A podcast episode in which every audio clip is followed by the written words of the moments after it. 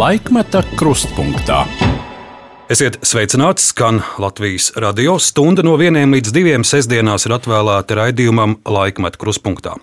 Studijā Arnis Krause, producente Ilze Aginta. Mēs turpinām iztaujāt cilvēkus, kuri ir līdzdarbojušies un veidojuši daļu no Latvijas jaunāko laiku vēstures, un kuru reiz teiktais ir dokumentēts Latvijas radioarkīvā un citvietā. Mēs izvēlamies uz sarunu aicināt ļaudis, kuri šodien varbūt vairs nav tik bieži redzami kameru un mikrofonu priekšā, bet kuru pieredze un padarītais ļauj zinoši atskatīties pagātnē un analītiski vērtēt arī šodienas trauksmainos notikumus. Šodien stundas garumā mēs dzirdēsim Eināru Repši. Kā jauns cilvēks par brīvu un neatkarīgu Latviju viņš drosmīgi runāja jau tad, kad daudz 80. gadu otrajā pusē vēl piesardzīgi nogaidīja. Kad vēl nebija tautas frontes un vārdus padomju okupācija, uzdrošinājās teikt tikai retais.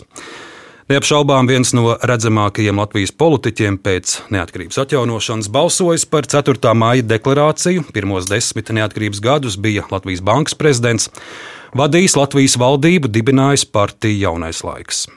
Pazīstams arī ar savām radošajām un azartiskajām izpausmēm, gleznošana, aviācija, alpīnisms un arī viņa politiskajā darbībā pieredzēti strauji kalnā kāpumi, liela sabiedrības uzticība un tad sāpīgi kritieni. Gan politiski, gan personiski. Man nav neviena lielāka soļa un kritiķa pasaulē kā es pats. Tā paškritiski reiz teica Sēnars Repše. Bijušais ministrs prezidents šodien Latvijas radio studijā. Esiet sveicināti! Labdien! Un paldies, ka atsaucāties sarunai! Ļaudis mūs šobrīd dzird radio, bet, ja redzētu televīzijā, neviens vien, es pieļauju, tagad pie ekrāna iesauktos, bet tas taču nav tas Einars Repše, kuru mēs tik daudzus gadus pazinām. Einars Repše vizuāli ir mainījies. Nu, nepārāk daudz. Tas pats uzvalks, tas pats izskats, nu man ir brilles nākušas klāt. Ja? Varbūt pēdējā laikā mati ir mazliet garāki, ko es tagad varu atļauties eksperimentēt. Jā, vispār man patīk dzīvē eksperimentēt. Ja? Tas ir viens no, no mana rakstura, manas personības neatraujamām sastāvdaļām, kas man ir sagādājis daudz patīkamu un interesantu brīžu, bet arī, protams, arī ļoti daudz, kā jūs teicāt, sāpīgu kritienu un neveiksmi. Kā jums tagad klājas, ar ko jūs nodarbojaties? Paldies! Nu, jāsaka, būtu grēks sūdzēties. Un, ja man prasītu, kas ir mans darbs pēdējos aptuveni desmit gadus, tad es teiktu, tā, ka tā ir ikdienas informācijas uzkrāšana un analīze ļoti lielos apjomos.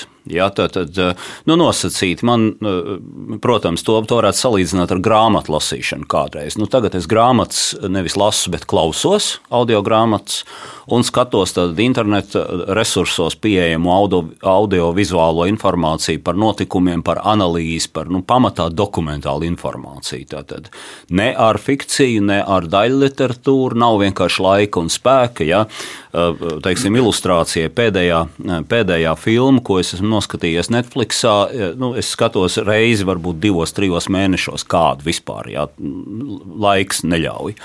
Un pēdējā, ko es noskatījos, ir Minhene. Uh, nedēļa pirms kara, vai kā viņu uh, precīzi sauc. Tā ir jauna filma, kas ir ļoti aktuāla, ko es īstenībā ieteiktu noskatīties. Un, uh, Un, uh, ir milzīgs paralēls starp šodienu un Krievijas karu uh, pret pasauli un, un, un toreizēju Hitleriskās Vācijas karu pret pasauli. Ja? Un tieši Minhenes vienošanās, uh, piekāpības politika un tā tālāk. Par to mēs, es ceru, arī parunāsim. Bet jā, tad uh, šīs informācijas uzkrāšana un analīze Un, uh, līdz ar to es arī um, konsultēju uh, cilvēkus, ticiet vai nē, bet ir cilvēki, kas uh, vērtē manas konsultācijas, kuriem tās šķiet interesantas, un es ļoti labprāt arī dalos ar sabiedrību, uh, ja nu varu savā pieredzē un, un, un informācijā. Un, protams, es vadu arī nelielu sabiedrisko organizāciju Latvijas nākotnes forums kas kopā ar uzņēmējiem un, un, un politiķiem mēģina meklēt, tādā politiski neitrālā veidā, bet mēģina meklēt risinājumus Latvijas attīstībai. Par Ukrajinu, protams, par Ukrajinu mums saruna ir jāsāk kara pirmajās dienās. Jūs vienā intervijā teicāt, ka ir notikusi tāda, ka rietumu pamošanās diezgan lēna vēl pagaidām, bet uh, pamošanās ir notikusi. Jūsuprāt, kas bija tas miegs, kurā Krievijai izdevās daudzas rietumvalsts iemidzināt? Baltieši gadiem cēla trauksmi, tikmēr Šrēders, Berlusconi un daudzi citi bija Putina lielākie draugi, tika būvēts Nord Stream gāzes vads. Mums aizrādīja, jūs pārspīlējat. Jūs pārspīlējat ar Putina, jūs pārspīlējat ar Krievijas demonizāciju. Nu jā, tāpēc, ka uh, mēs to esam uh, izbaudījuši uz savas ādas, uh, ko nozīmē atbrīvotāji. Un, un ko nozīmē šī bruņotā banda, kas laupa, nodarbojas ar marodierismu pat virsnieku un valsts līmenī, uh, kas slepkavo, kas izvaro tā skaitā bērnus. Ja? Un to mēs esam redzējuši arī Otrā pasaules kara gados Latvijā. Ja? Tā kā mums nekādas ilūzijas par, par šo bruņoto bandu un, un viņas vadītājiem nav un, un nevar būt, un mēs negribam vēlreiz tikt atbrīvoti. Ja? Mēs esam redzējuši, ko tas nozīmē gan, gan pret, pret tautu, gan pret tātad, attīstību. Un uh, rietumvalstis ne visas to ir redzējušas un ir aizmirsušas, un ir aizmirsušas tā skaitā tās pašas kļūdas, to pašu pielabināšanās politiku, ko ir uh, īstenojuši pret Hitleru savā laikā, kad nav varējuši apturēt viņu saulaicīgi. Nu, tās, tās, tās, tās paralēles uh, īstenībā ir šokējošas. Iedomājieties, uh, ja mēs, ja mēs paskatāmies, kas mums toreiz, eh, kas mums toreiz notika ar eh, Vācijas um, uzsākto pasaules karu, tad um, toreiz um, kas bija tā kara cēloņi? Um, par, par kara cēloņiem būtībā jāuzskata Vācijas un Itālijas tiekšanās paplašināt savas teritorijas, iegūt jaunas teritorijas. Tādējādi atgūstot impērijas statusu, Uh, un Benito Mussolini toreiz pat cerēja atjaunot ko līdzīgu senai Romas impērijai. Vai tas neizklausās mazliet līdzīgi šodienas Krievijai? Tikai viņi to tagad sauc par krievu pasauli. Jā, jā, nu toreiz tā bija vācu pasaule. Ja? Tā Hitlers iegāja uh, Sudetijā, ja, eh, Čehijas apgabalā, vienkārši argumentējot ar to, ka tur ir vācieši un tur runā vācu valodā. Ja. Tā Hitlers toreiz eh, pievienoja Austriju, Austrijas anšlusu. Ja.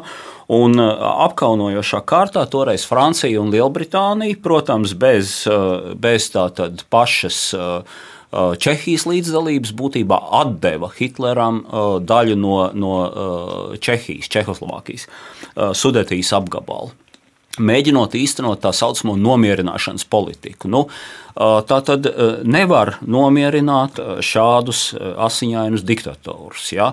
Un tagad mēs atkārtojam to pašu kļūdu. Ja, būtībā nu vairs jau rietumvalsts nē, ja, bet mēģināja atkārtot. Un būtībā kopš Putina režīma nākšanas pie varas, Krievija ir acīm redzams drauds pārējai pasaulē, un tas tiek konsekventi īstenots. Es atceros, eh, ka vēl eh, īsi pēc 2000. gada, nepateikšu precīzi gadu, bet es dzirdēju personiski klātesot eh, Krievijas aizsardzības ministra uzstāšanos kādā starptautiskā pasākumā, tātad Sergeja Ivanovs, kurā viņš apmeloja Latviju. Eh, tā skaitā runājot par fašismu atzimšanu, ja, kā par ļoti lielu problēmu. Ja. Nu, tādi eh, klāji institucionalizēti meli ir eh, faktiski visos pēdējos 20 šī gadsimta gados. Ja. Kad jūs bijāt premjerministrs, Putins jau bija prezidents, bet, bet laikam jūsu ceļi nekrustojās. Ne? Mūsu ceļi nekrustojās, neesmu ar viņu nekad ticies. Man ir bijis tas gods pagājušajā gadsimtā tikties ar Jegoru Gaidaru ar, ar, ar, ar valdības vadītāju, kas bija Jeļcina prezidentūras laikā, ar viņu centrālo banķieri, ar, ar dažiem politiķiem.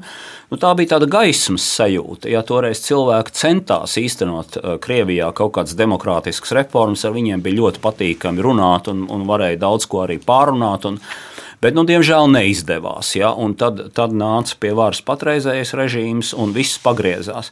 Jūs padomājiet, eh, šis režīms ir tik daudz naudas tērējis arī tā saucamās piektās kolonas uzturēšanai, kaimiņu valstī, dezinformācijai, meliem, ja? ietekmes aģentu veidošanai. Ja? Paradoxālā kārtā labi uh, korupcijas dēļ tas tiek arī lielā mērā izzakts. Ja, tāpēc Krievijam nestrādāja piektā kolona Ukrajinā, ja, tāpēc viņiem nestrādā liela daļa tehnikas ja, un tā tālāk. Bet nepārprotami viņi ir to, to mēģinājuši darīt. Bet, ja jūs runājat par šiem ietekmes aģentiem, protams, mēs šobrīd redzam pārliecinošu rietumu atbalstu Ukrāņiem gan politiski, gan militāri. Bet mēs arī redzam pagājušā svētdienu Ungāriju prezidenta vēlēšanas pārliecinošs atbalsts no sabiedrības prezidentam Orbānam, kurš neslēpj savu uh, tuvību, draudzību ar Putinu. Rīt Francijā prezidenta vēlēšanas. Uh, Iznākums nav paredzams, bet uh, tiek pieļauts, ka salīdzinoši lielu atbalstu saņems Marija Lepēna, kura vēl dienu pirms kara bija sadrukājusi bukletus, kur viņa ir vienā fotografijā kopā ar Putinu. Par šiem Krievijas ietekmes aģentiem. Jā, e, tas ir skumji e, un tas ir nožēlojami. E, man, ir, man bija liels pārsteigums pašam par, par Ungāriju. Galu galā viņi taču ļoti, ļoti labi atcerās 56. gadu un, un, un Krievu īstenoto atbrīvošanu tātad, šajā valstī. Viņiem vajadzēja saprast, ko tas nozīmē. Bet, nu, labi, tā sabiedrība mostās. Ja, un ja par Krievu karavīru zvērībām otrā pasaules kara laikā mums šobrīd pēta un stāsta vēsturnieki, un man ir stāstījuši mani radinieki, vecvecāki, tad toreiz nebija interneta. Ja? Tās zvērības ir aptuveni tādas pašas, ja? bet šodien ir internets. Ja? To savukārt tie tumsoņi Kremlī vienkārši nav ņēmuši vērā. Ja? Bet, ziniet, jums, eh, kāpēc, kāpēc pat labam eh, pasauli mostās? Nu, Pirmkārt, demokrātijā, sabiedrības attieksmē ir ļoti liela nozīme ja, un sabiedrības noskaņojumam. Un līdz ar to tie skati eh, no bučas, irpeņas no, no, un no citām teritorijām, kas vēl nāks, ja, un arī, protams, Ukrāņu varonīgā pretošanās ļoti daudz ko izdarīja sabiedriskās domas noskaņas aktualizēšanā, mainīšanā. Jā, tad, tad. Un tas, tas atstāja ietekmi, protams, arī uz rietumu valdībām. Bet ir trakāk. Rietumi ir sapratuši vienu nežēlīgi skaidru lietu. Un es jums tūlīt pateikšu, būtībā ko. Nepatiks tas, ja? bet, bet tā ir patiesība, un, un, ja nepieciešams, mēs varam stundām runāt un, un, un šo analīzi pamatot. Tātad būtībā trešais pasaules karš ir jau sācies. Viņš šobrīd ir agrīnā stadijā, viņš ir kaut kur Austrijas Anšlus un Sudetijas ieņemšanas stadijā, ja, bet viņš ir sācies. Jā, es zinu, eh, vēsturnieki oficiāli otrā pasaules kara sākumu datē ar vācu karaspēku ieiešanu Polijā. 39. Um, uh, gada 1. septembrī, uh, dažkārt arī par nacistiskās Vācijas karaspēku iesoļošanu Prāgā. 39. Uh, gada martā. Es gribētu teikt, ka nenovēršami tre, otrais pasaules karš bija jau sācies ar 38. gada martu, ar Austrijas Anšlusu. Uh, un pēc tam Minhenes vienošanos 38. gada septembrī, beigās, kad jau vācu karaspēks iegāja, uh, iegāja Sudetijā. Ja, tur vairs nekas nevarēja apstāties. Šobrīd tātad uh, trešais pasaules karš ir sācies, un viņš var beigties tikai divos iespējamos veidos, nekā citādi. Viņš var beigties ar Krievijas pilnīgu sakāvi vai ar Krievijas pilnīgu uzvaru. Ja? Trešais variants, jeb kādi tur tātad miera līgumi, pie, pielabināšanās vai tālāk, tas nebūs risinājums. Tas būs labākajā gadījumā tikai konflikta iesaldēšana uz dažiem gadiem. Drīz jau tuvojas kara otrais mēnesis. Jūs minējāt šos divus variantus. Vērojot to, kas šobrīd notiek Ukrajinā un Krievijas agresiju, uz kura varianta puses situācija attīstās? Protams, ka uz Krievijas sakāvi. Uz pilnīgs, bet, bet tā ir arī absolūti nepieciešama. Tā ir pilnīgi nepieciešama, jo šobrīd jau, nu, paskatieties, tā tad Krievija jau ir, un agrāk tā ir tā piekāpšanās politika, tā, tā samierināšanās politika. Ja? jau ir, jau ir uzbrukusi sekmīgi Grūzijai, Moldovai, Krimai, Donbasam, Luhanskai tagad visai Ukrainai. Ja? Nu, viņiem nav izdevies vēl iesoļot Kijevā, tā kā Prāgā, ja, pateicoties tiešām varonīgai Ukrāņu uh, pretestībai. Bet um, tātad Krievija šobrīd draud jau Polijai, Baltijai, Zviedrijai, ja, par Gotlandu runājot. Somijai. Somijai draud ar kodoltriecienu ja, un diskutē tātad Krievu dažādi jukušie viņu centrālajos informācijas kanālos par to, vai tas kodoltrieciens būtu pa Varšavu, pa Rīgu vai pa, pa Kijevu. Ja? Tas ir neiedomājami. Ja? Bez tam tātad, šis diktators viņš, viņš nevar apstāties. Tā ir viņam personiska sakāve, tā ir viņam personiska iznīcināšana ja? un, un, un tā tālāk. Viņi nevar apstāties. Arī daži analītiķi, un ir tāds ģeopolitisks analītiķis Pīters Zihans, YouTube viņu var atrast. Es esmu arī savā Facebookā nopublicējis saiti uz viņu pēdējo tātad, analīzi. Ļoti interesanti. Viņš arī saka, ka, e, e, ja par pilnu ņem tos strateģiskos mērķus, ko Krievija šobrīd ir uh, stādījusi sev, tad tā ir dažādo tā saucamo uh, sauszemes spraugu aizvēršanu. Un tas nozīmē, ka viņiem ir jāpaņem, lai šo strateģisko plānu īstenotu daļa no Polijas, jā, Rumānija, Moldova, uh, visas Baltijas valstis uh, un, un, un tā tālāk, jā, tā, tā, tā skaitā NATO teritorijas. Jā.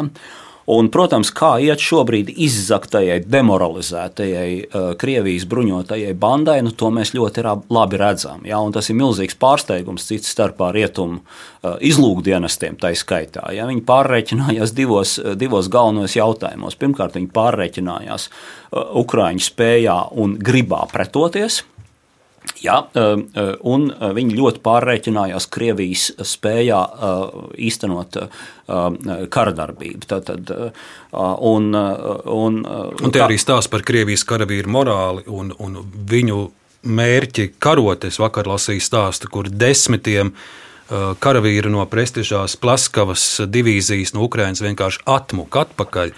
Protams, viņus tur tagad aiztur un tiesā, bet, bet ļoti daudz neredz jēgu tur karot. Nu, eh, eh, labi, ka neredz jēgu, un labi, ka pretojās. Jā, man arī savā laikā, kad, es, eh, kad man draudēja iesaukšana padomju armijā un toreiz gāja karš Afganistānā, jā, tad es ļoti nopietni pie sevis apdomāju, ka, ja nu gadījumā nonāku tādā situācijā, un tur tad man ir jāgriež ieroči pretējā virzienā. Jā. Bet, protams, bet, protams ar vienu liels un aptaujas rāda, ka tie ir 80%, nu, plus mīnus, bet ļoti liela Krievijas sabiedrības daļa atbalsta Putinu.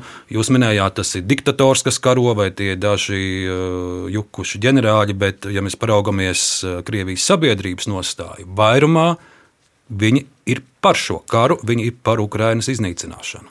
Kādēļ jums, tā? jums pilnīgi taisnība, un tā ir tā milzīgā propaganda, tā uh, dezinformācija, tā skaitā arī izglītības trūkums. Ja? Bet uh, šeit es gribētu teikt, ka uh, mazliet par labu Krievu tautai, ja? ka, ziniet, tas nav nekas jauns. Vācijas visumā kultūrālā izglītotā sabiedrība bija nozombēta no Hitlera pagājušā gadsimta vidū ne mazāk. Ja? Un tiešām ir vērts paskatīties to, to filmu Minhenē, ja? tad, tad kara priekšvakarā, ja? Netflixā pieejama arī citur droši vien, lai, lai redzētu, kāda tā atmosfēra toreiz bija. Bērni dziedāja patriotiskas dziesmas, stājās pionieros. Nu, tas, laikam, tas saucās toreiz Hitlerjūgens. Ja? Um, uh, vicināja karodziņus. Ja? Tad, tad uh, draugs varēja sastrīdēties ar draugu uh, uz karstām pēdām par uh, jautājumu, ja? uh, vai taisnība Hitleram vai nē, vai viņš ir briesmonis vai, vai nacionālais varonis. Ja? Tad, tad toreiz uh, šī totalitārā uh, uh, nu, propaganda uh, un ideoloģija bija nozembējusi ļoti lielu daļu vācu tautas, tagad tas, ir, tas pats ir izdarīts ar krievu tautu. Un, uh, Tātad Putins un viņa banda uh, pilnīgi atklāti kopē Gebels, kopē Hitleru, pat ir paralēls Hitlera runās un, un, un protams, Gebels tēzēs. Ja? Un tas viss ir, nu, nu, tas paralēls ir vienkārši šokējošs. Bet, nu, uh, Atgriežoties pie tā, ka šobrīd, protams, nav diemžēl citas izējas, kā, kā vai nu, eh, vai nu krievi eh, tiks sakauti vai uzvarēs. Ja? Viņiem pret, pret civilizētās pasaules tehnoloģiju, militāro jaudu un arī gribu un garu cīnīties, viņiem nav nekādas izredzes, ja viņi tiks sakauti lupatās. Vienīgais, ar ko viņi vēl var darīt, un tas patiešām ir bīstami, viņi var draudēt ar, ar, ar kodolieročiem, ko viņi arī dara. Ja? Un, tātad, nu, tas ir tā kā, tā kā ķīlnieku sagrābējs, um, kurš izmisuma brīdī ir gatavs uzspridzināt pats sevi kopā ar visiem ķīlniekiem, ja, jo, jo viņš citādi izēju neredz. Nu, un, un tas ir tas risks. Protams, es domāju, ka rietumu izlūkdienas ļoti rūpīgi seko līdzi, kas notiek ar kodola arsenāliem. Ja. Mums ir vēsturē piemēri tik tiešām vairāki, kad, kad saprātīgi krievi ir apturējuši kodola katastrofu līdz šim. Man tādi gadījumi ir zināmi vismaz trīs. Ja, viens bija Jeļcins, kad viņam kļūdaini tika nolikt galdā kodola pogu un teikt, ka te notiek pilnīgi kā, kā no mācību grāmatas paņemts uzbrukums Krievijai. Ja. Izrādījās tā ir vienkārši kļūda, ja, bet ļoti ticama kļūda, un Jeļcins nenospieda pogu. Viņš teica, netic, nevar būt. Un pēc pāris eh, minūtēm, ja pēc piecām minūtēm jau bija skaidrs, ka tā tiešām ir vienkārši no um, Norvēģijas laikam, teritorijas palaista uh, raķete, par ko Krievi bija informēti iepriekš, bet uh, pa kanāliem nebija nodevuši tajā haosā. Uh, un kas sadalījās tur gaisā, tās dažādas stadijas, eh, precīzi zīmējot nu, to mācību grāmatas uzbrukumu ar vienu galviņu, kas, kas lido augstu virs kaut kur Krievijas detonē un izsit eh, komunikācijas no ierīnas, un pārējās iet tur uz pilsētām. Ja? Bet cik es esmu lasījis, tik vienkārši ar to sarkano pogu nav. Nu, nav gluži tā, ka prezidents piespiež pogu un raķeti lidot, tur esot vesela cilvēku ķēde. Un pat ja Putins izdomā to pogu spiest, tur vēl ir vismaz 5, 6 cilvēki, kuriem arī vēl ir jāpieņem lēmums, un varbūt viņi var nosvērties savādāk. Tā nu, ir. Ja reiz mēs par tā šādām ir. lietām runājam. Tā ir, tā tiešām ir, uz to ir zināma cerība.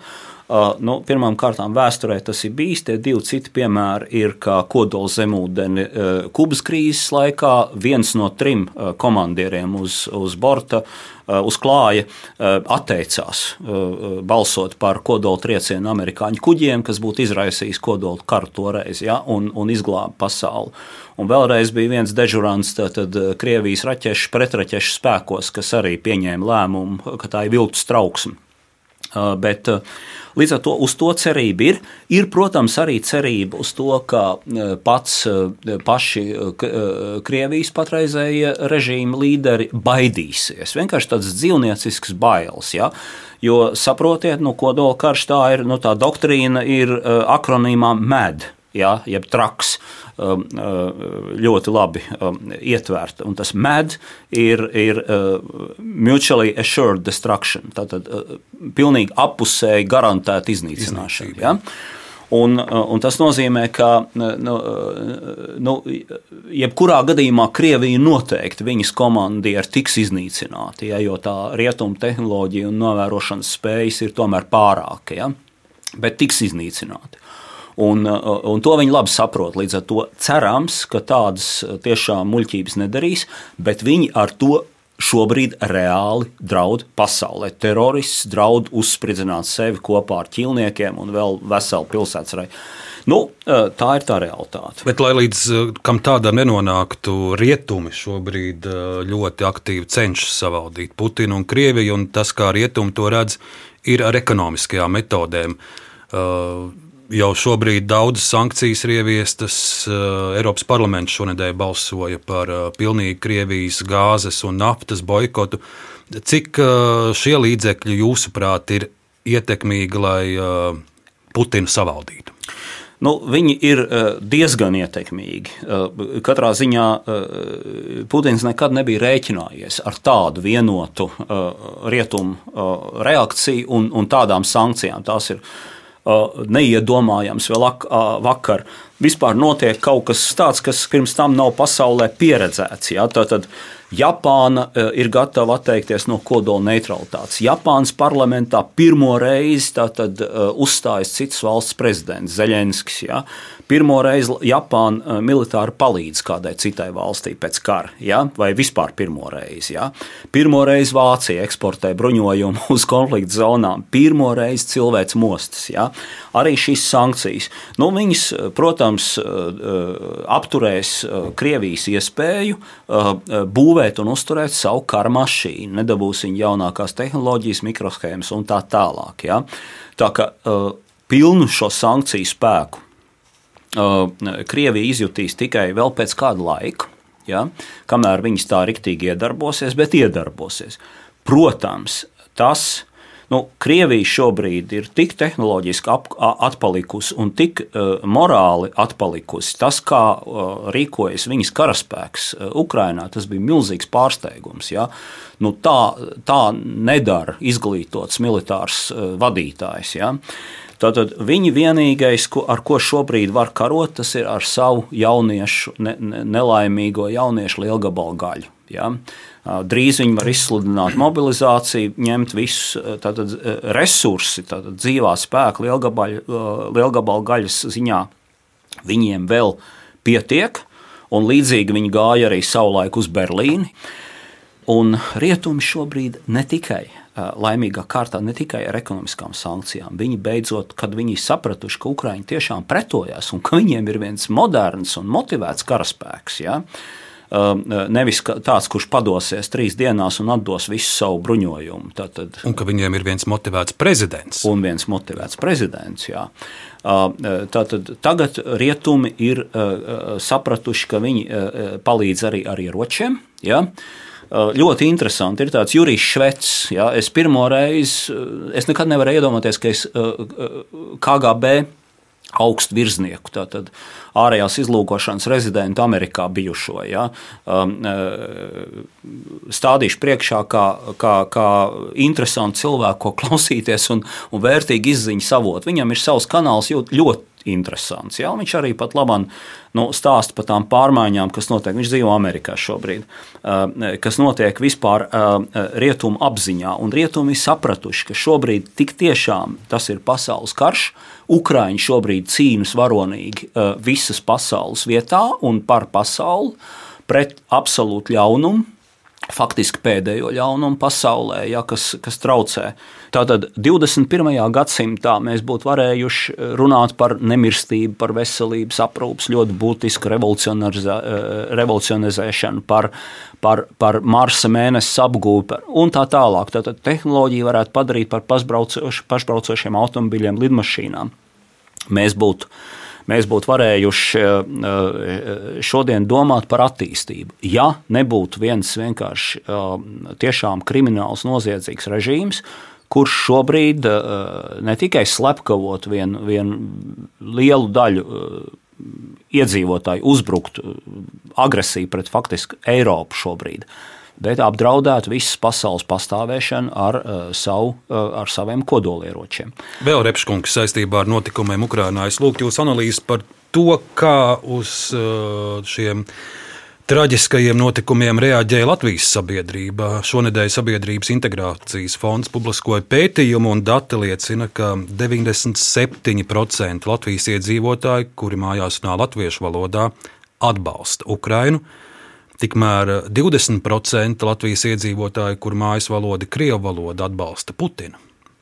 Tikai 20%. Vai nu, tas jau ir labi? Tikai vai Tas jau ir labi. 20%. Nē, redziet, no, eh, ņemsim, eh, ņemsim vērā, ka viņi ir dzīvojuši visus šos gadus tomēr Krievijas informatīvajā telpā, būtībā ļoti milīgā propagandā. Ja? Bija arī šeit visumā normāli cilvēki, ko es arī pazinu starp vietējiem krieviem, kurš šausmīgi priecājās savā laikā par Krīmu. Ja? Nes kāpēc, nu, kas tas ir par, par urā patriotismu vai man, man nav īsti skaidrs, bet tā ir objektīva realitāte.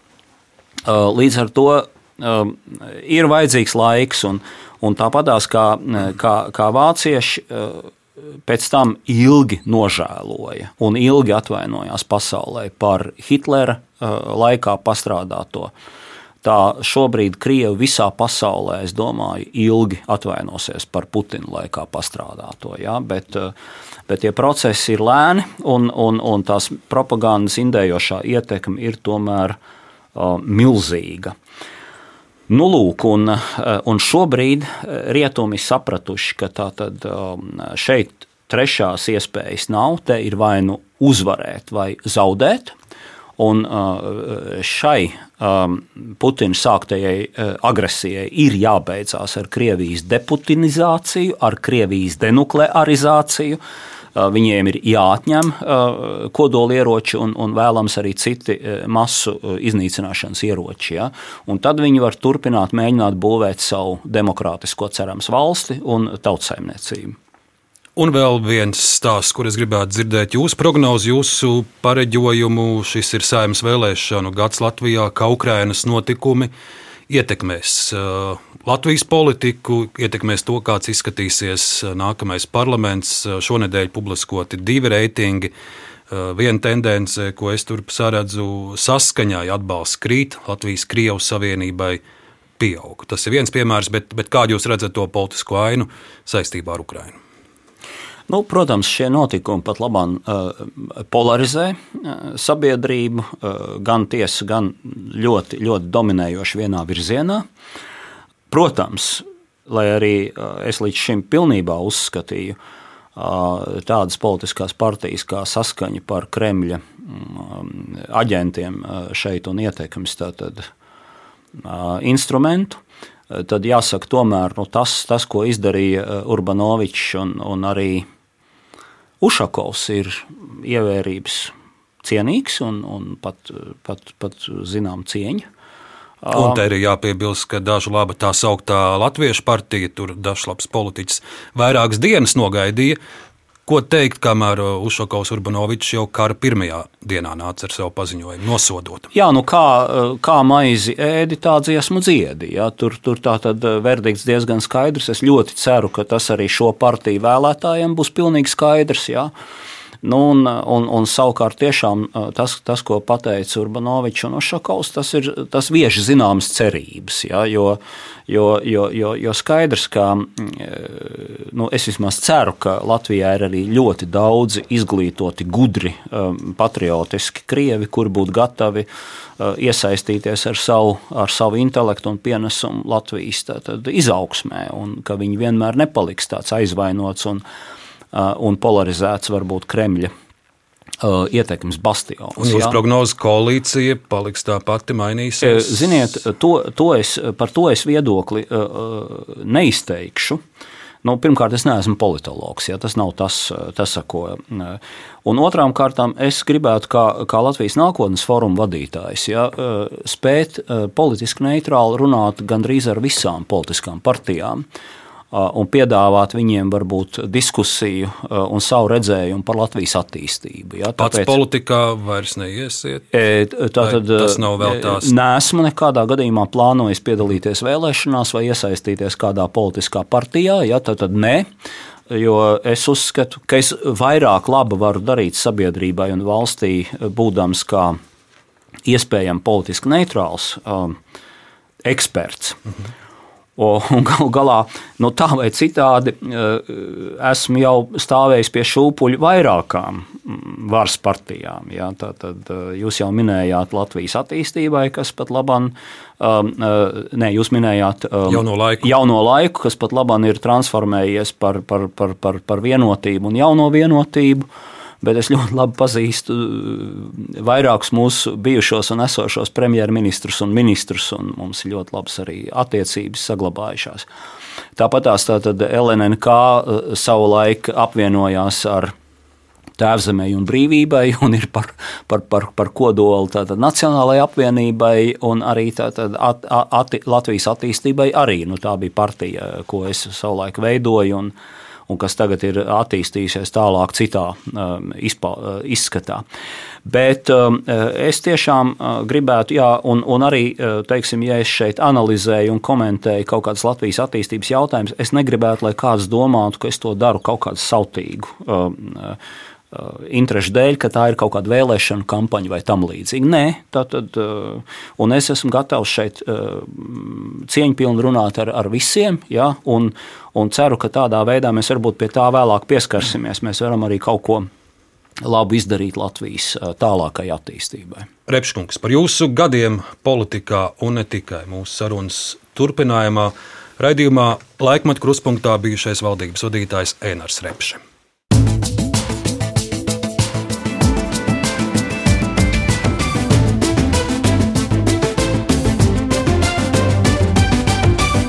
Laikmeta krustpunktā. Tad mūsu raidījuma otrajā sadaļā klausīsimies arī arhīvu fragmentus, kas ir vienmēr arī šī raidījuma sastāvdaļa. Bet vēl pirms arhīviem es eh, periodika LV, tā ir Nacionālās bibliotekas digitālā biblioteka, palūkojos tur. Un uh, pati pirmā publikācija presē, kur parādās Sēnara Repšas vārds, nebūtu nav saistīts ar politiku. Pirmā publikācija ir saistīta ar gravitāciju, teorija un eksperimenti. Tā sauc rakstu žurnālā Zinātne un tehnika 86. gada janvāris. Autori Juris Tambergs un Enars Repše. Un stāsts ir par Einsteina atklātās vispārējās relativitātes teorijas eksperimentālajām pārbaudēm.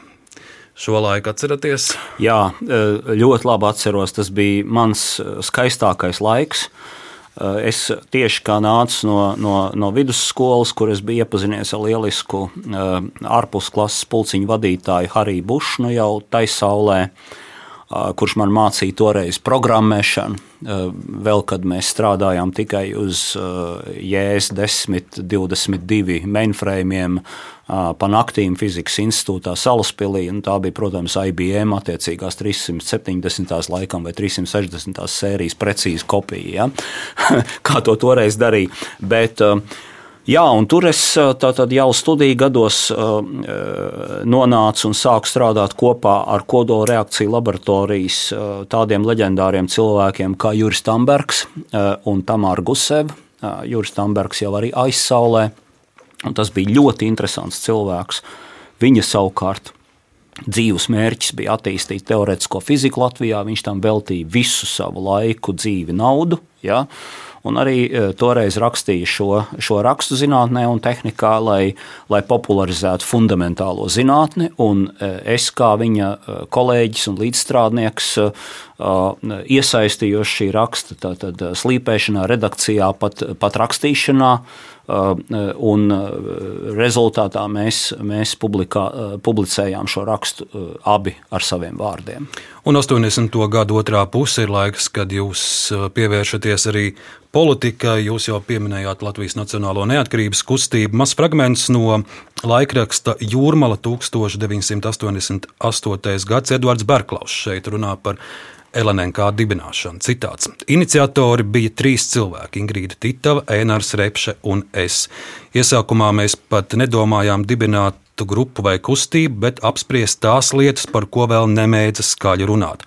Kad izveidojās apmēram 40 cilvēku liela aktīvistu grupa, ievēlējām padomu un nolēmām griezties pie sabiedrības. Mēs uzskatījām, ka varam darīt to, ko nedara vidas aizsardzības klubs vai grupa Helsinki 86.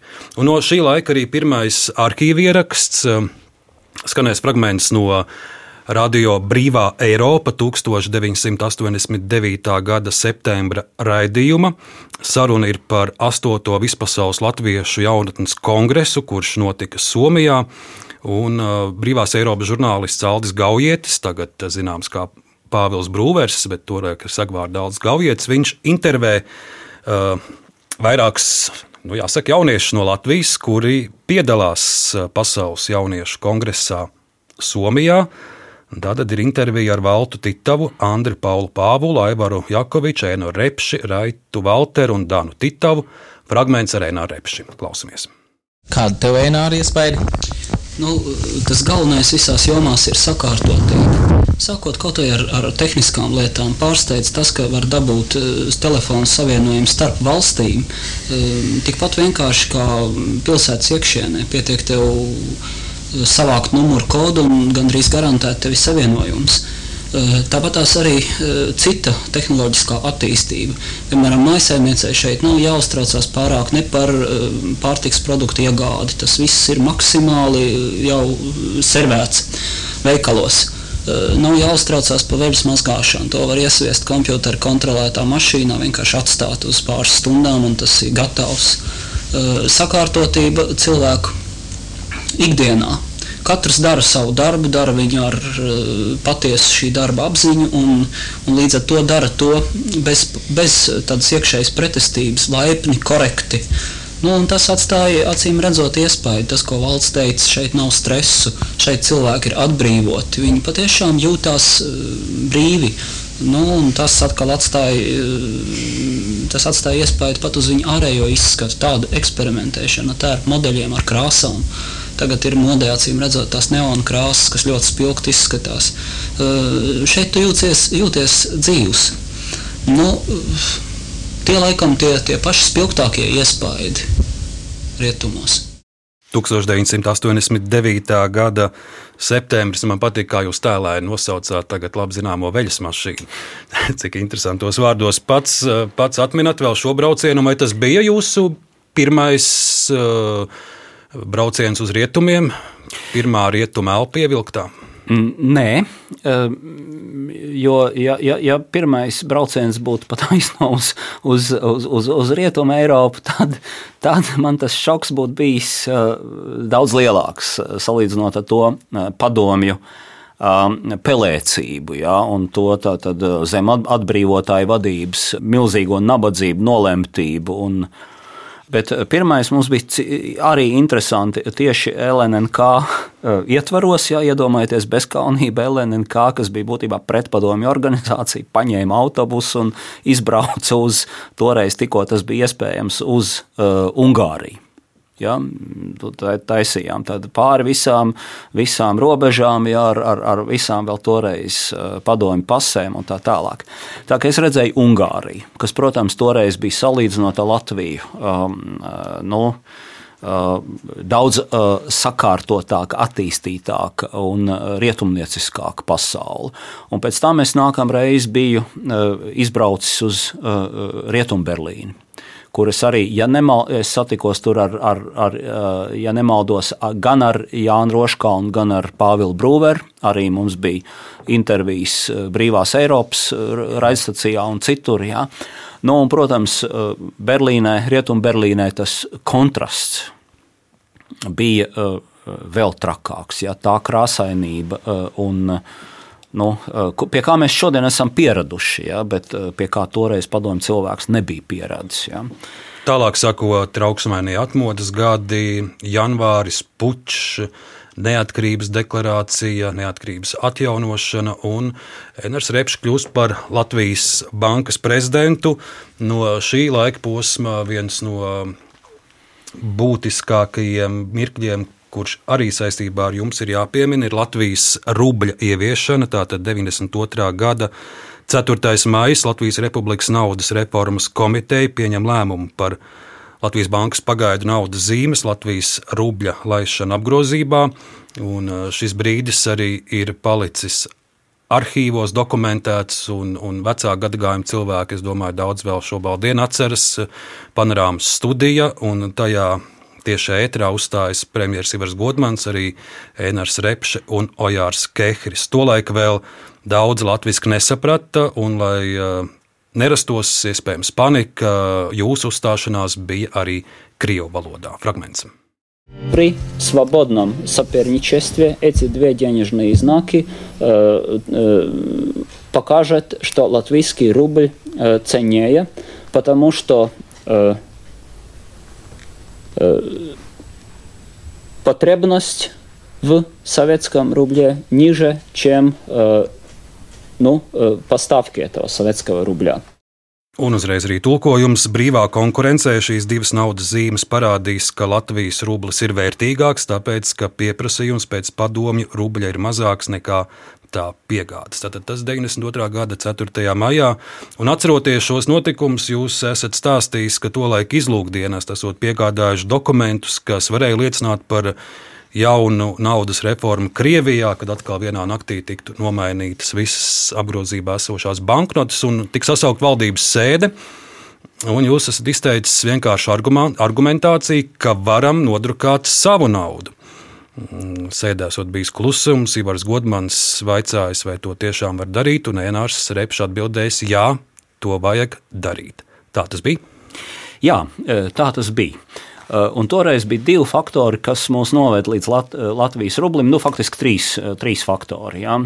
Bet tas trešais bija, kāpēc ne Latvijas uzreiz? Nu, vienkārši tāpēc, ka tas skaistais un, un labais Latvijas vēl nebija nodrukāts. Tur vēl turpinājās darbs ar sižetiskā risinājuma izstrādi un, un, un, un visi nepieciešamie priekšdarbi, bet ar to mēs bijām mazliet tad, tad, iekavējuši. Tad bija divi galvenie faktori. Pirmais faktors bija uh, trūka uh, Krievijas rubļu skaidrās naudas banknašu. Viņas uh, tika izņemtas, sa, saplēstas, saburzītas no apgrozības, ja, un Krievijas banka toreiz viņas nepiegādāja pietiekamā skaitā. Neļaunprātības pēc toreiz, bet tāpēc, ka viņiem pašiem nebija. Ja. Uh, uh, lai arī mans toreiz kolēģis Alfrēds Bergs Bergmans bija ļoti taupīgi izturējies pret atlikušajām uh, Krievijas rubļu banknotēm, bija skaidrs, ka drīz viņas beigsies.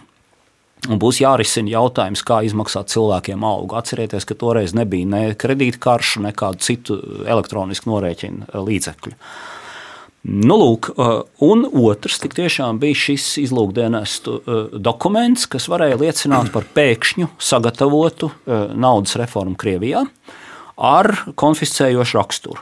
Un tas nebūtu nekāds brīnums. Mēs ļoti labi jau atcerējāmies, piemēram, ka vienā naktī var tikt pasludināts 50 un 100 rubļu naudas zīmes par nederīgām apgrozībā. Ja, tā bija tā ja nemaldos, Pavlova uh, naudas reforma. Ja? Pēkšņi, ja tev ir nauda bijusi šajās banknotēs, tev viņas vairs nav ja? vienā naktī.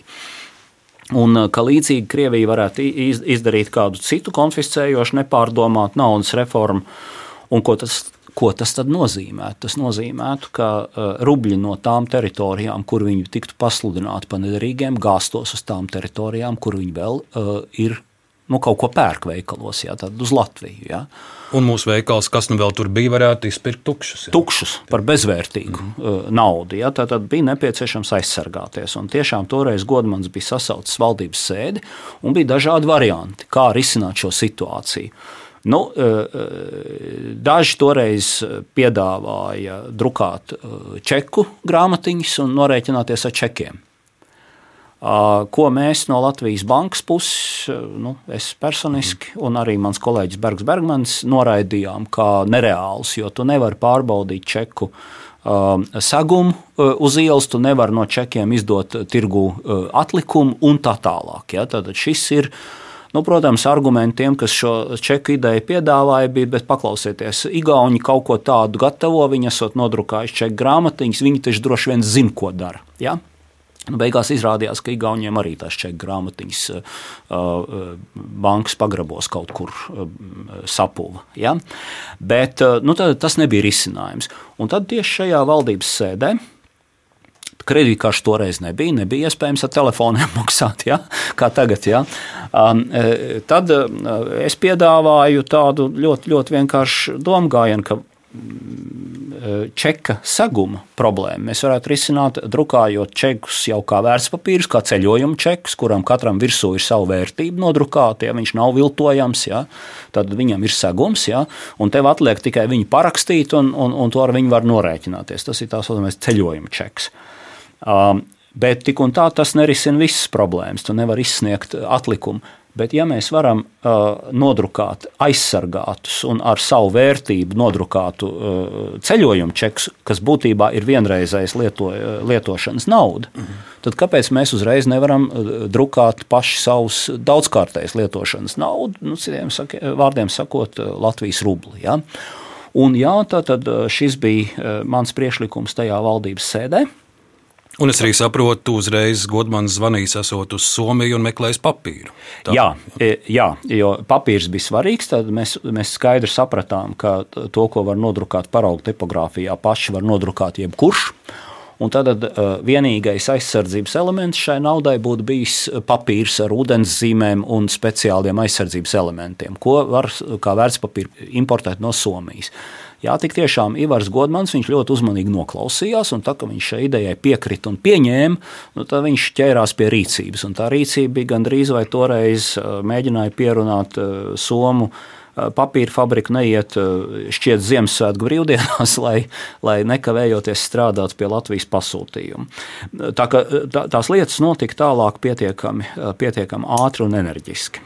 Kopumā Latvijas rublis bija jūsu veiksmes stāsts, tas gan palīdzēja inflācijas apkarošanā, gan arī Latvijas rublis kļuva par brīvi konvertējamu valūtu arī pret ārzemju valūtām. Un, Un tas palīdzēja atdalīties no Krievijas rubļa jebkurā brīdī. Bet, eh, ja jau mēs ievadā minējām šos kāpumus, kritums, eh, kritums stāsts jūsu bankas prezidenta darba laikā, protams, ir Bankas Baltija krahs. Jā, nenoliedzami. Nu, mēs toreiz arī visi mācījāmies kaujas apstākļos, arī par to, kādi Uh, kādi ir bankām piemērojami regulējošie normatīvi, cik stingriem viņiem jābūt, kā viņiem jābūt uzraudzītiem un, un kā viņiem jābūt. Jāsaka, lai arī daudzas bankas mēs licencējām pēc jau neatkarības atjaunošanas. Banka Baltija bija viena no tām bankām, otra laikam bija Rīgas Komercbanka, kas bija jau uzsākusi savu darbību sekmīgi pirms neatkarības atjaunošanas.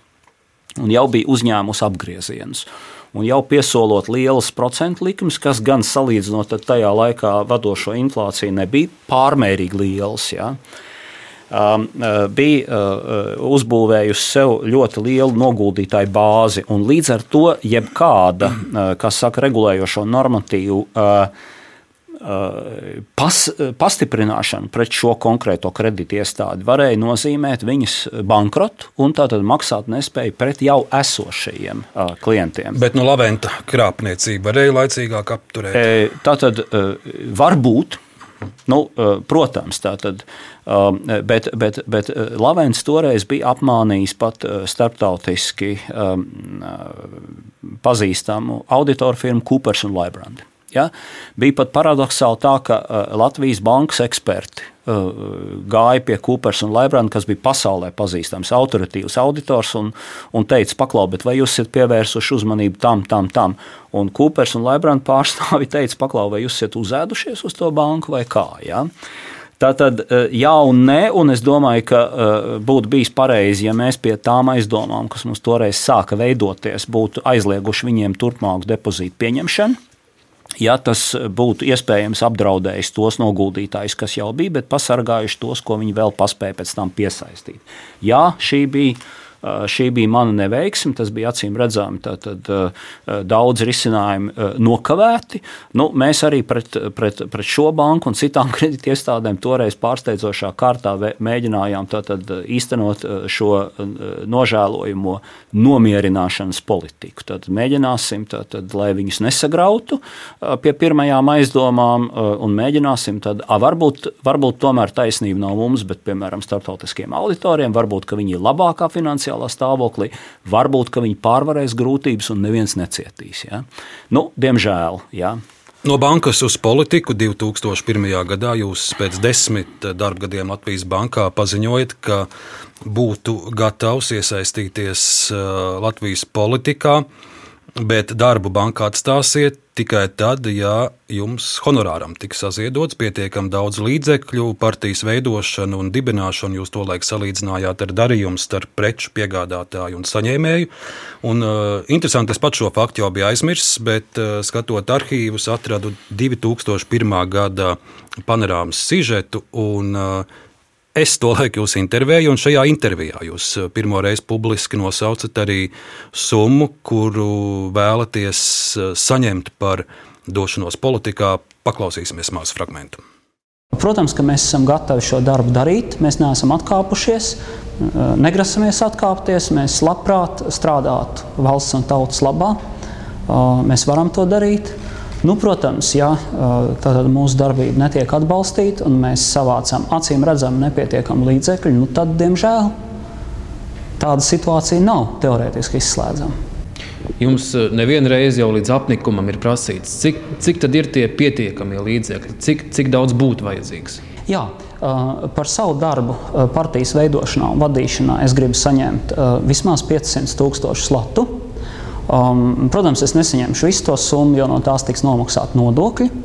Um, savukārt partijas darba finansēšanai līdz vēlēšanām būtu vajadzīgi vismaz 900 tūkstoši latu lai mēs varētu nodrošināt uh, partijas biroja iekārtošanu, uh, partijas algoto uh, darbinieku un speciālistu algošanu un arī nodrošināt puslīdz pieklājīgu vēlēšanu kampaņu. Reps šīs dienas paziņojums dienas gaitā steidz komentēt gan ministru prezidents, gan politiķu un politologi.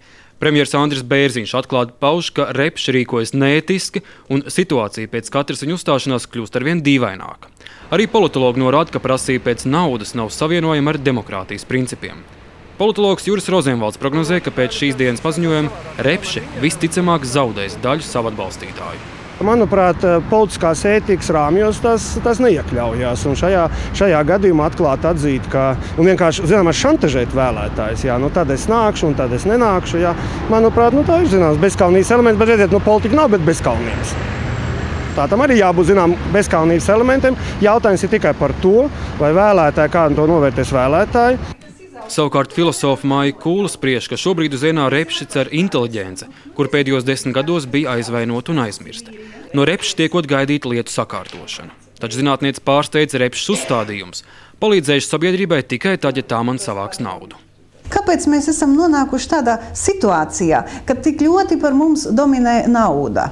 Es esmu pilnīgi pārliecināta. Es, protams, nevaru ielīst Einā rādā, un viņš brauc ar labām mašīnām un dzīvo droši vien labās mājās. Bet eh, galu galā dzīvē taču ir augstākas vērtības. Un es domāju, ja Einārs virzītu savu kampaņu mazliet ar labākiem padomdevējiem, un ja labāk sakārtot šo ētisko dominanti un nauda neiznāktu priekšplānā, kas šobrīd šeit jau nu, mazliet grauj viņa tēlu. Viņam būtu milzīgi panākumi. Lūk, šāds fragments no 2001. gada panorāmas raidījuma. Tagad, to atminoties, uh, otrais darīt tāpat, uh, šo naudu prasīt vai rīkotos citādi, jo sižeta turpinājumā bija politologa intervijas, tur bija dažādi vērtējumi, bezskaunība, kā tā var darīt, un, un, un, un, un citi, citi komentāri vēl. Nu jā, un kā toreiz teica Juris Rubēns privātā sarunā, tas šo Enāru tev ilgi vēl pieminēs. Nu, tā arī ir. Ja. Uh, nu, tur, tur bija gan, gan tīri materiālais, gan nepieciešamība finansēt, gan partiju, gan, gan arī pats, pats savu darbu, uh, gan arī zināms tāds kā reklāmas elements, ja, kas uh, bija. Bet, nu, protams, ka nē, es otrais vairs droši vien tā nedarītu nu, otrais arī nevar iekāpt tajā pašā situācijā un tajā pašā upē. Un, eh, protams, ka, eh, ka tagad es rīkotos citādi, bet, nu, eh, kā, kā mēdz teikt, kā tā tas bija. Tā tas bija. Es un... pats to stāstu jau esmu piemirsis, bet kā, kā ar to naudu tur tiešām tos 500 tūkstoši arī izdevās savākt? Nē, kaut kur, ja man atmiņa nebija ap, ap 300 tūkstošiem manam atalgojumam, no kā es nomaksāju attiecīgi arī nodokļus, un, un tikai aptuveni divas trešdaļas no tā um, saņēmu. Ja? Un, Un, un, un, un tam bija jākompensē mans darbs un, un, un ienākumu zaudējums, protams, no aizejot no iepriekšējās darba vietas un tā tālāk. Ja?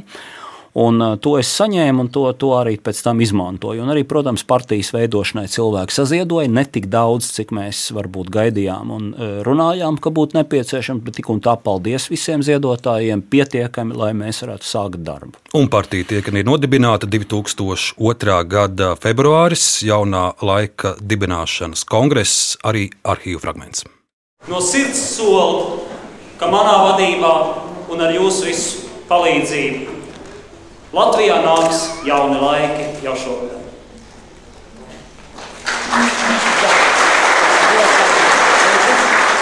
Otrais, nulle, divi, otrais, divi tūkstoši otrajā. Tāda skanīga sakritība. Bērni un jaunieši būs labi pēduši, apģērbti, skoloti, ar iespēju iegūt labu izglītību un brīvu pieeju kultūras vērtībām. Pensionāri dzīvos pārticībā, auklēs mazbērnus, ceļos. Šāds ieskats eh, jaunā laika dibināšanas kongresā jums tagad uz šo savu politiķa posmu būtu jāatskatās. Eh, bija liels panākums, jūs arī kļuvāt par valdības vadītāju.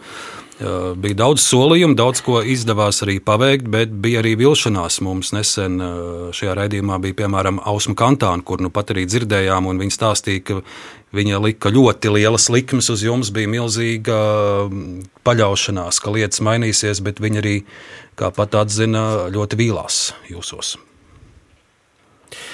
Nu, uh, tik tiešām izdarīt uh, visas tās un īstenot visas tās labās ieceres neizdevās. Ar Ausu mēs gan līdz pēdējiem brīdim esam, esam saglabājuši ļoti labas un draudzīgas attiecības, bet tik tiešām es pirmām kārtām es personiski pieļāvu daudzas kļūdas. Un, un man neizdevās īstenot visu to, ko biju iecerējis. Ne tas, ka negribēju, bet tik tiešām pieļāvu kļūdas. Tās bija kļūdas, ka bija vilšanās cilvēkos, vai paša kļūdas, ka varbūt kaut kas pārsteidzīgi tika darīts? Nē, nu, Pirmkārt, jau paša kļūdas. Mm. Ja? Es, es domāju, ka, eh, ka eh, es lietas mēģināju varbūt darīt pārāk strauji. Um, un uh, sabiedrības attieksme, tā skaitā sabiedrības attieksme pret korupciju vai, vai, vai valdošo korupciju, nu nevar mainīt tik ļoti strauji. Ja?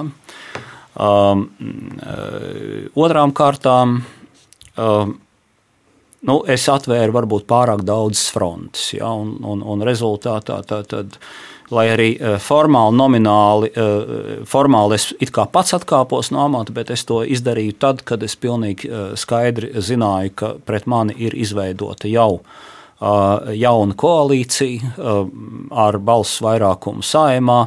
Un to ir pārsteidzošā kārtā izveidojuši tie cilvēki, kas ir agrāk bijuši uh, konkurenti vai pat ienaidnieki. Tas bija tas duncis mugurā, ko jūs pieminējāt. Nu, tas bija, tā, tas, tā bija viena no pazīmēm tikai un viens no tiem soļiem, bet, bet bija reāli izveidot, uh, izveidot uh, koalīciju starp Tautas partiju, Pirmo partiju un arī zaļiem zemniekiem. Tātad būtībā trīs toreiz vadošie mūsu domu, domu giganti. Ja, tad, tad, Uh, Andris Šēle, uh, Aivars Lembergs un, uh, un Šlesers. Šlesers bija kas agrāk nebūtu. Viņi, viņi, viņas, nu, būtībā, ja mēs paskatāmies uz Aivara Lemberga tiesas procesu, ja, tad šo procesu sāka Ainārs Šlesers. Viņš bija tas, kas man kā ministra prezidentam atnesa rūpīgi sagatavotu biezā sējumā lietu, uh, ko acīm redzami eh, bija viņš kopā nu, pasūtījis vai kopā ar saviem draugiem gatavojis. Ja? Un, un tā, bija, tā bija sagatavota. Eh, viņu es tālāk novirzīju formāli eh, ģenerāla prokuratūrai izvērtēšanai, un tā arī tās lietas sākās. Ja? Tā kā viņi pirms tam ar Aivaru Lembergu bija diezgan nesamierināmi ienaidnieki. Un, protams, nebija, nebija draugos arī ar Andriu Čēlu. Vēl viena lieta, kas Jā. sākās jūsu premjerlaikā, ir tā sauktā digitālā lieta, kurai arī nu jau ir krietna vēsture, četri dažādi tiesas procesi, un tur tiesāšanās vēl ne tuvu nav beigusies, bet, bet jūs bijāt tas, kas šo lietu pacēla. Nu, jā, vai šo afēru? Nu, nu, nu, tieši tā, un tā nebija pirmā afēra. Ja pirms tam tā diezgan brutāli zaga, tad, tad pamazām jau Latvijas sabiedrībai kļūstot labāk informētai, tā zakšana kļuva mazliet tāda smalkāka. Un pirmā lieta, īstenībā, ko es pacēlu vēl Latvijas bankas amatā, tā bija Latvijas energo 3, 3 miljonu lieta. Ja?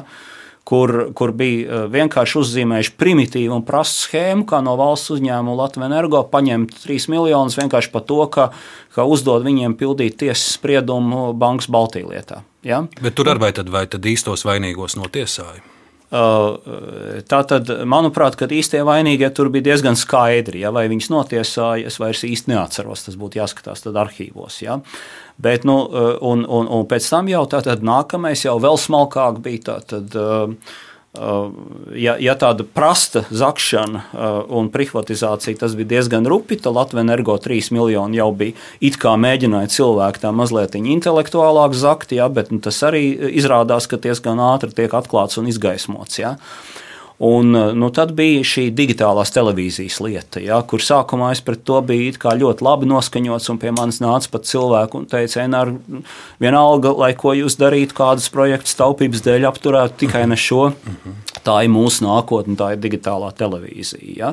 Bet nu, izrādījās, ka tur arī ir uh, pamatā ļoti liela vēlme vienkārši atsevišķiem. Kā to liek teikt, bāliņiem, iedzīvot. Pašu bāliņiem. Jā, jā, jā. jā. Un, un, un, un tas, kā redzams, turpinās. Ja, tā, šīs lietas notika, bet nu, atgriežoties pie tās politiskās situācijas, es acīm redzot, tiešām arī kļūdaini atvēru. Atvēru frontes pārāk daudzos virzienos, rezultātā es pret sevi konsolidēju agrākos pat, pat ienaidniekus vai vismaz nedraugus. Un tā varbūt nevajadzēja darīt. Varbūt man vajadzēja mierīgāk un lēnāk un, un, un saprast. Bet, nu, uh, Um, tāds laikam es esmu vienmēr bijis, kad iedegos, tad, tad, tad uh, daru lietas pārāk strauji. Un Repškungs, vēl viena epizode. Reiz mēs esam Latvijas radio. Šī epizode ir saistīta ar Latvijas radio 2003. gada jūlijas.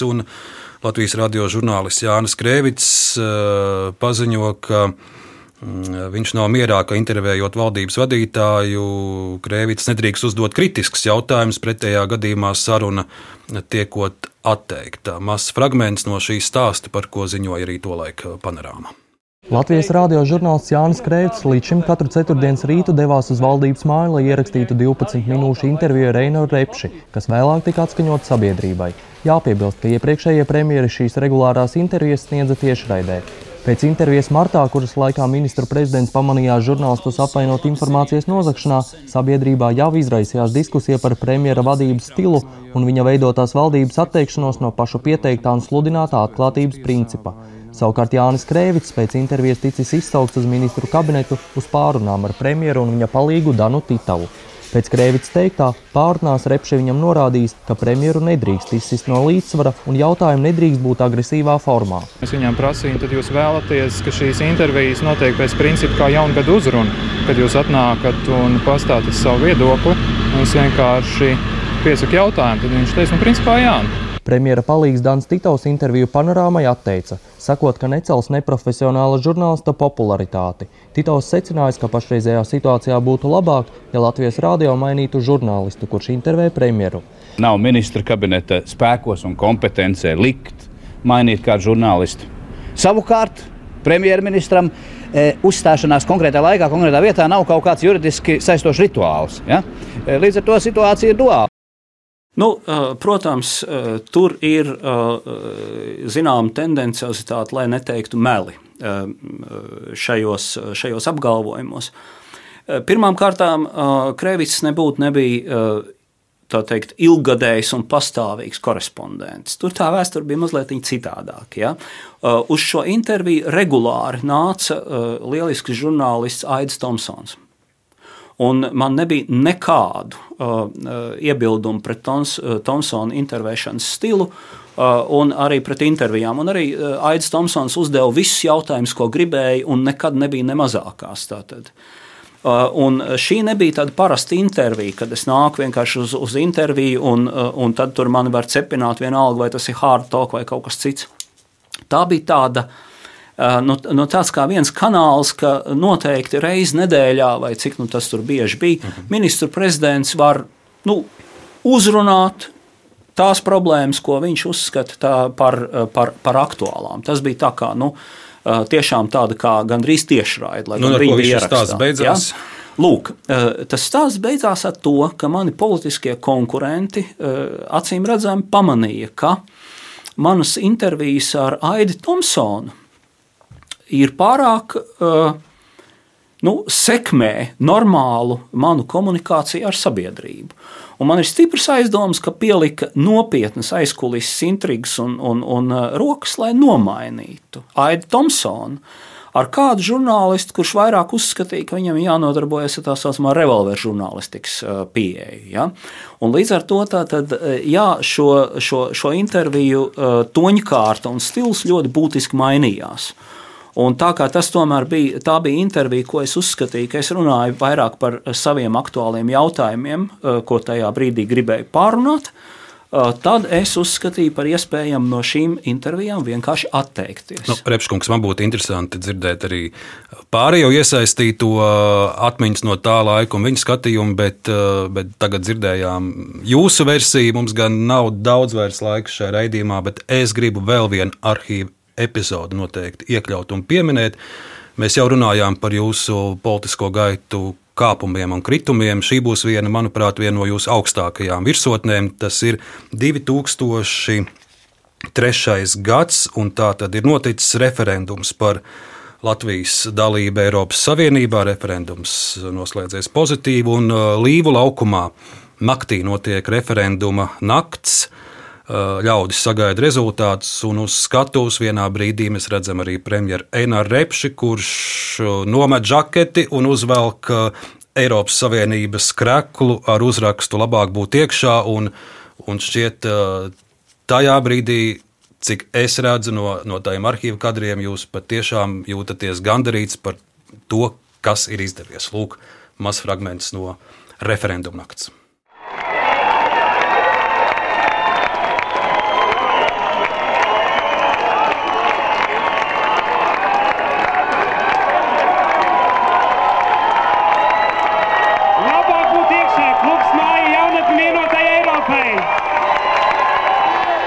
Kādas ir tās sajūtas, kuras mēs redzam tagad, kuras mums tobrīd bija? Nu, protams, milzīgs pacēlums. Viens nopietns posms ir, ir, ir Latvijas vēsturē noslēdzies, un, un, un jautājums par dalību Eiropas Savienībā tas nav jautājums par to, vai Briseles diktāts un regulas ir labas vai sliktas. Tas ir jautājums par Latvijas drošību. Latvijas dalība Eiropas Savienībā, gluži tāpat kā Latvijas dalība NATO, Krievijai esot kaimiņos, absolūti ir, ir nu, arhisvarīgs tieši mūsu drošības lietā. Ja? Un, un, un šeit tas, tas brīdis ir pienācis, ka mēs pārējām būtībā no vienas postpadomi telpas, no Krievijas ietekmes zonas, tomēr Eiropas ietekmes zonā. Bet uh, Nu jā, tādi cēlumi un kritumi ir, ir, ir manā dzīvē piedzīvoti vairāki. Eh, atceros, agrāk bija, bija, bija arī līdzīgi gadījumi. Eh, bet atgriežoties mazliet iepriekš par, par manu attieksmi pret, eh, pret žurnālistiem un žurnālistiku, Es jau redzēju, biju viens no tiem, kas, kas bija ļoti atklāts pret uh, žurnālistiem un presi. Es, es uh, ielaidu viņus ministra kabineta sēdēs. Un tagad pēc tam to nostiprināja likumā, kur diez vai to vajadzēja darīt. Ja? Bet, bet, uh, Tā bija mana iniciatīva, kur es tiešām gribēju un paļāvos uz žurnālistiem, lai tas viss notiek visiem redzami, un, un cilvēki var arī kompetenti pēc tam analizēt. Diemžēl Un to acīm redzot, dažos gadījumos diktē peļņas kāre. Diemžēl daļa no mūsu žurnālistikas ir aizbraukuši tā saucamajā dzeltenajā virzienā, ja, ka viņi nevis pieņem informāciju un analizē pēc tam objektīvi, un varbūt kā tas ir grūti un nevienmēr populāri, bet viņi mēģina izvilkt tātad, tos skandālus, dzeltenos elementus un tam līdzīgi. Un, līdz ar to šobrīd es domāju, ka īstenībā, īstenībā tā bija viena no manām kļūdām. Ja, žurnālisti ielaišana valdības sēdē. Un valdības atklātās sēdes arī tā bija kļūda. Nu, tas jau ir tas pats, ja būtībā valdības atklātās sēdes ja, ir, ir sēdes, kuras ir pieejamas visas tur sēdošiem žurnālistiem. Ja. Un viena lieta, ja viņi to izmanto kā, kā materiālu savām turpmākām analīzēm, cita lieta, ja viņi ieraksta kaut kādus tiešām varbūt neveiksmīgus tajā brīdī ministru vai kādu citu izteikumus un pēc tam tiražot tos tādā sensacionālā griezumā. Nu, tas nav tas labākais, manuprāt, no žurnālistikas, bet es saprotu, ka tas ir pasaulē populārs, jo cilvēkiem skandāli patīk. Un, uh, Un kā nu ir, tā ir, bet acīm redzami, eh, acīm redzami šī bija kļūda, domājot, ka mēs varam, varam eh, nopietnu darbu eh, nodrošināt tiešraides režīmā. Ja? Acīm redzami, nevelti tas nekur citur pasaulē netiek praktizēts. Un, un, un droši vien ir ar savām blakus parādībām. Tas blakus parādības ir tādas, ka pirmām kārtām šobrīd uh, varbūt uh, dažs labs baidās, baidās sēdē teikt, ko patiesībā domā, un vispār baidās izteikties, jo viņš nav aktieris, nav diktors, viņš var kaut ko neveiksmīgi pateikt, un ja tas tiek ierakstīts mikrofonā, tad, tad tas pēc tam var tikt arī tendenciozi atskaņots. Un otrs, protams, ka lēmumi tad tiek pieņemti ārpus patiesās sēdes, un tas ir vēl sliktāk. Ja? Nu, bet ir kā ir. Es domāju, ka evolūcijā kļūdas ir likumsakarīga parādība, bez tām mēs nekad nevaram iztikt. Ja? Galvenais ir šīs kļūdas labot. Ļoti žēl, ka mums neiznāk šobrīd laika pārunāt par Latvijas turpmāku izaugsmu. Repskungs, nu, mēs neesam uh, dzeltenā presa, bet uh, pēdējā, pēdējie gadi arī tīri personiski jums nav bijuši viegli, gan jums, gan jums tuviem cilvēkiem izcīnot diezgan smagas cīņas. Kādi ir tie uh, spēka vārdi, kādi ir tie iedrošinājumi vārdi, kā jūs uzmundrinat gan savējos, gan kurus jūs teikt arī uh, mums Latvijas radio klausītājiem? Nu, uh, pirmām kārtām ir nepieciešamas kaut kādas vērtības, pie kurām jūs un arī sabiedrība var turēties. Un tās vērtības, protams, ir brīvība, integritāte, godīgums, ja, pamatprincipi, morāli. Otrām kārtām vienmēr ir jāmeklē risinājumi. Un tik tiešām nu, to jau daudz gudri cilvēki teikuši, ka, ja tu gribi attīstību, tad mācies uh, arī apbalvot kļūdas. Jo evolūcija, kas, nu, kuras rezultātā gal galā mēs esam izveidojušies, ja, bet nekad nav gājuši taisnvirzienu uh, ceļu. Un, uh, nu, ja mēs paskatāmies kaut kādā vēsturē, ja tur miljoniem gadu evolūcijas process veidoja dinozaurus, miljoniem gadu. Un tad pēkšņi, burtiski vienā dienā, uh, pāris, pāris tūkstošos gadu viņi tika iznīcināti. Ja? Um, vai pat ātrāk, uh, dēļ uh, dabas kataklizmas. Un nāca cits risinājums, nāca, nāca varbūt tieši tam pateicoties, mēs esam izveidojušies, kādi šodien esam cilvēki. Ja?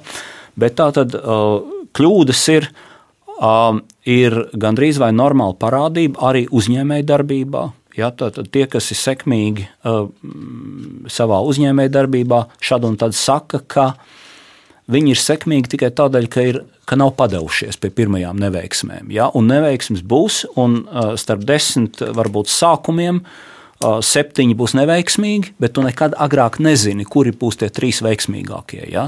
Un līdz ar to tev ir jārēķinās un pat jāapbalvo neveiksmīgie, jo ja cilvēki nemēģinās kaut ko jaunu, uh, tad attīstība būtībā apstāsies. Jūsu mudinājums ir nepadoties. Uh, nepadoties un turēties pie pamatvērtībām, nevis pie kaut kāda uh, konjunktūrisma. Un, uh, it īpaši šodien ļoti aktuāli ir brīvība kā pamatvērtība. Brīvība, izglītība un, protams, arī cieņa pret, pret varbūt mūsu uzņēmējiem, tiem, kas šobrīd rada Latvijā koproduktu, kas viņu organizē. Un šeit es ar milzīgu skaudību skatos varbūt eh, uz, eh, uz Igauniju, eh, kur tā skaitā valsts ieņēmuma dienas strādā mazliet citādāk. Un viņi uzticās uzņēmējiem. Viņi mēģina šo uzticēšanos pat inducēt. Tā ka, teiksim, ja tu uzticies viņiem, tad arī uzņēmēji sāk rīkoties atbildīgāk un varbūt uh, savus finanses deklarē uh, patiesāk un precīzāk. Un e, neko sliktu negribu teikt. Mūsu valsts ieņēmuma dienests ir noteikti ļoti patriotiski cilvēki, kas pēc labākās sirdsapziņas dara to, ko viņiem uzdod. Bet tur jau ir tā problēma, ka varbūt mums ir mazliet jāpārskata, ko mēs viņiem liekam darīt, kādi ir tie pamatu uzstādījumi. Ja? Un varbūt ņemot vērā, ka mums ir nepieciešams uh, ekonomiskā attīstība, uzņēmējdarbības attīstība, tad mums ir vairāk jāpadomā par to, lai mēs uh, tiešām uzņēmēju atbalstītu un cienītu. Ja? Cienītu un netraucētu viņam. Nevajag nekādu īpašo valsts atbalstu. Galvenais ir, lai mēs viņam netraucētu un neliktu sprunguļus uh, ratos. Un varbūt šeit pirmām kārtām pašas valsts un valdības attieksme varētu būt citādāka. Jo pēc tam ierēģi to jau godprātīgi tālāk pildīs. Ja? Viņi pēc labākās sirdsapziņas to pildīs. Varbūt mēs no mūsu kaimiņiem tieši Igaunijā arī varam šo to mācīties.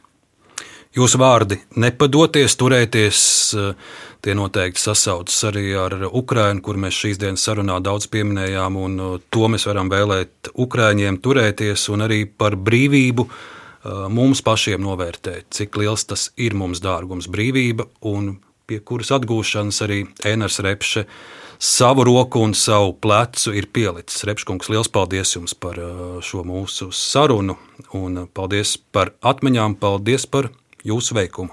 Paldies! Un paldies, ka atsaucāties sarunai. Klausītāji mūsu studijā bija bijušais Latvijas ministrs prezidents Einars Repše. Mūsu sarunu pilnā apjomā var klausīties arī Latvijas radio sociālajos tīklos, Latvijas radio mājaslapā vai Latvijas radio viens Facebook kontā. Par skaņu rūpējās Elizabete Šaicāno, producente Ilze Aginta, raidījuma autors Arnis Krause. Paldies un turpiniet klausīties Latvijas radio!